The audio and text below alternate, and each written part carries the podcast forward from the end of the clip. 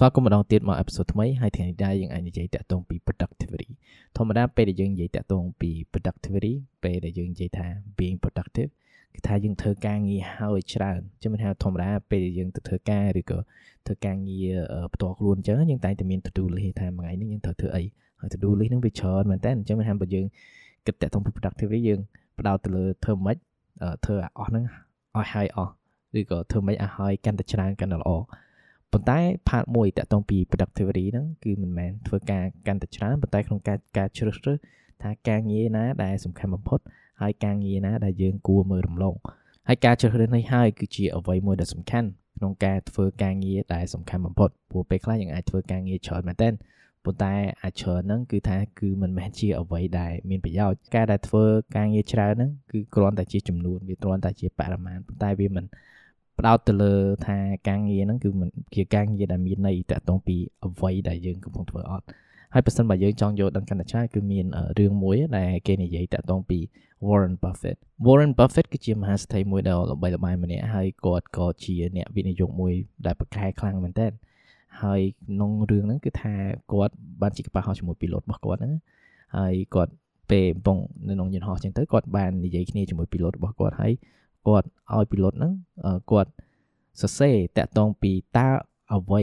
ដែលធំបំផុតទាំង25ដែលគាត់ចង់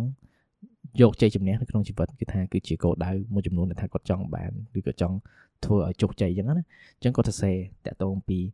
អឺគោលដៅទាំង25ដែលគាត់គិតថាសំខាន់បំផុតនៅក្នុងជីវិតរបស់គាត់ហើយនឹងគឺជាផ្នែកទី1ហើយផ្នែកទី2គឺថាអូខេពេលគាត់មានអា25ហ្នឹងហើយ Warren Buffett ហ្នឹងឲ្យគាត់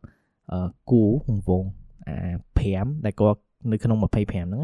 5នៅក្នុង25ហ្នឹងដែលគាត់គិតថាសំខាន់បំផុតចំពោះគាត់ហើយពេលគាត់គូហើយហ្នឹងគាត់សួរថាអូខេហេតុអីបាន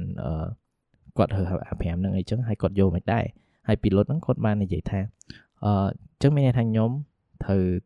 ផ្ដោតនឹងឲ្យតម្លៃនឹងធ្វើការកាន់ច្រើនតាក់ទងពីអា5ហ្នឹងហើយអា 20ទៀតខ្ញុំត្រូវធ្វើតិចតួចតិចតួចបាននេះហើយ Warren Buffett ពេលគាត់ឮអញ្ចឹងគាត់ប្រាប់ថា no អឺអ្នកគិតខុសហើយអ្វីដែលគាត់គួរធ្វើហ្នឹងគឺថាផ្ដោតលើនឹងចំណាយកម្លាំងទៅលើអា5ហ្នឹង100%ហើយដល់ទៅធ្វើអា5ហ្នឹងហើយមិនចាប់ដើមមើលទៅលើអា20ទៀតហើយនេះជាអ្វីមួយដែលគេហៅថា5នៃ25 rule គេហៅ525 rule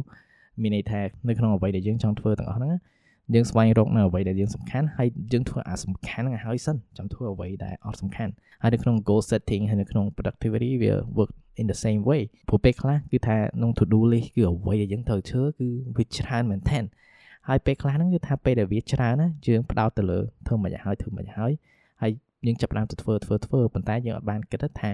តើអ្វីទៅនៅក្នុងហ្នឹងដែលសំខាន់តើអ្វីទៅដែលវាមិនសំខាន់អញ្ចឹងយើងត្រូវមាន list 2មិនមែនតែមាន list តែមួយទេថាអ្វីដែលយើងត្រូវធ្វើប៉ុន្តែយើងត្រូវមាន list 2ថាអ្វីដែលយើងគួរធ្វើអ្វីដែលគួរធ្វើហ្នឹងគឺអ្វីដែលសំខាន់ហើយមួយទៀតគឺថាអ្វីដែលយើងគួរមើលរំលងសិនដល់ទៅធ្វើអា list ទី1ហ្នឹងហើយខ្ញុំផ្ដើមធ្វើអា list ទី2ហើយនេះគឺជាអ្វីមួយដែលថាខ្ញុំជួបប្រទះដែរក្នុងការធ្វើការងារអញ្ចឹងពេលខ្លះការងារគឺច្រើនមែនតើហើយពេលខ្លះអញ្ចឹងទៅយើងចេះចង់ធ្វើអាណាដែលស្រួលអត់សំខាន់អញ្ចឹងដូចថា និយាយទៅមិននិយាយស្រួលមកភ្ញាក់ពីគេមកពេលខ្លះអូយើងធ្វើនេះធ្វើនោះពេលខ្លះយើងដឹងថាអូដល់ម៉ោងធ្វើការងារសំខាន់អូទៅទៅជូតផ្ទះសិនទោះបីតែយើងអត់ចូលចិត្តជូតផ្ទះយើងជូតផ្ទះមុនណាដូចថាលក្ខណៈដូចថាយើង procrastinate អញ្ចឹងថាយើង procrastinate របៀបម៉េច procrastinate ដោយធ្វើការងារដែលមិនសំខាន់ហ្នឹងអញ្ចឹងមានថានៅក្នុង to do list របស់យើងហ្នឹងចាប់ផ្ដើមចែកជាពីរការងារដែលសំខាន់បំផុតបើបាននៅក្នុង to do list អញ្ចឹងដាក់តែ3មកបានន័យថាតើ 3សំខាន់បំផុតនៅក្នុងថ្ងៃហ្នឹងដែលដាច់ខាតត្រូវធ្វើឲ្យហើយគឺជាអ្វីហើយក្រៅពីហ្នឹងយើងអាចសរសេរនៅក្នុង list មួយថ្មីទៀត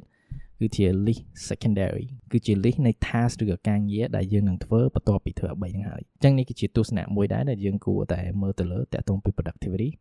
កុំធ្វើធ្វើធ្វើធ្វើឲ្យបានទៅច្រើនប៉ុន្តែវែកញែកថាអ្វីសំខាន់និងមិនសំខាន់ហើយធ្វើអាសំខាន់នឹងសិន មុននឹងធ្វើអ្វីដែលមិនសូវសំខាន់អរគុណក្នុងការស្ដាប់ podcast នេះហើយអ្នកក៏អាចស្ដាប់ podcast នេះទៅលើ Google Podcast ហើយជាមួយនឹង Apple Podcast ចឹងចាំជួបគ្នានៅអេពីសូតថ្ងៃក្រោយហើយក្នុងអំឡុងពេលនេះអភិវឌ្ឍខ្លួនជានិច្ចបាយបាយ